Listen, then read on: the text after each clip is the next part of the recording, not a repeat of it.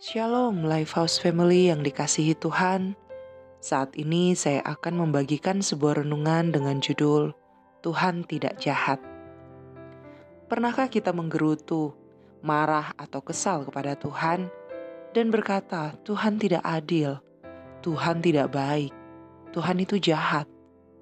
Tidak perlu malu untuk mengakuinya karena beberapa tokoh di Alkitab pernah melakukannya. Contohnya Yunus. Ia pernah marah kepada Tuhan dan berkata, "Ya Tuhan, bukankah telah kukatakan itu ketika aku masih di negeriku?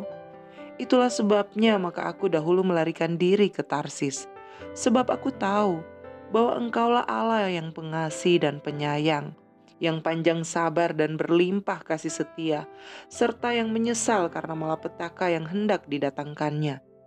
Jadi sekarang, ya Tuhan, cabutlah kiranya nyawaku, karena lebih baik aku mati daripada hidup.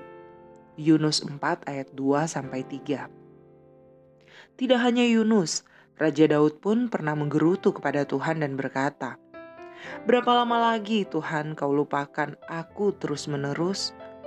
Berapa lama lagi kau sembunyikan wajahmu terhadap aku? Berapa lama lagi aku harus menaruh kekhawatiran dalam diriku dan bersedih hati sepanjang hari? Berapa lama lagi musuhku meninggikan diri atasku? Mazmur 13 ayat 2 sampai 3. Lifehouse Family yang dikasihi Tuhan Yesus, beberapa di antara kita mungkin sedang meminta kesembuhan kepada Tuhan namun yang kita terima bukanlah kesembuhan. Kita meminta berkat dan pertolongan kepada Tuhan, namun yang kita terima adalah kesusahan, kerugian, dan sebagainya. Mungkin beberapa di antara kita menjadi lemah, takut, khawatir, dan berkata, "Saya sudah tidak kuat lagi, Tuhan." Lifehouse Family yang dikasihi Tuhan, tidak mengapa jika kita sedang mengalami hal demikian. Bahkan tidak mengapa jika sesaat kita menangis dan ingin protes kepada Tuhan. Namun ingat, setelah semuanya itu, seka air mata kita, bangkit kembali, bersyukur kembali dan berkata, Tuhan aku percaya engkau besertaku. Tuhan aku percaya engkau tidak jahat Tuhan aku percaya engkau sungguh baik kepadaku.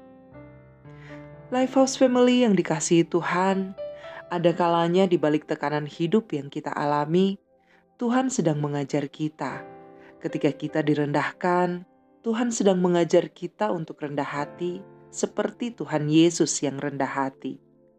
Ketika kita berdoa dan belum menerima jawaban doa, Tuhan sedang mengajar kita untuk tidak memaksakan keinginan kita, seperti Tuhan Yesus yang berkata, "Bukan kehendakku yang jadi, tapi kehendakmu."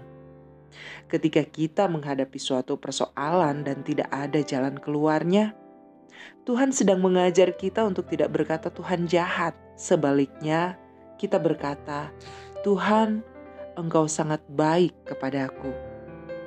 Lifehouse Family yang dikasihi Tuhan, di akhir renungan ini, saya ingin mengingatkan kembali bahwa Tuhan tidak jahat. Percayalah, Tuhan masih memberikan kepercayaan kepada kita untuk percaya kepadanya. Belum tentu orang lain menerima pemberian yang sama seperti kita. Demikian renungan ini saya bagikan. Selamat menjalani hari ini bersama Tuhan yang sangat baik. Tuhan Yesus mengasihi kita semua. Shalom.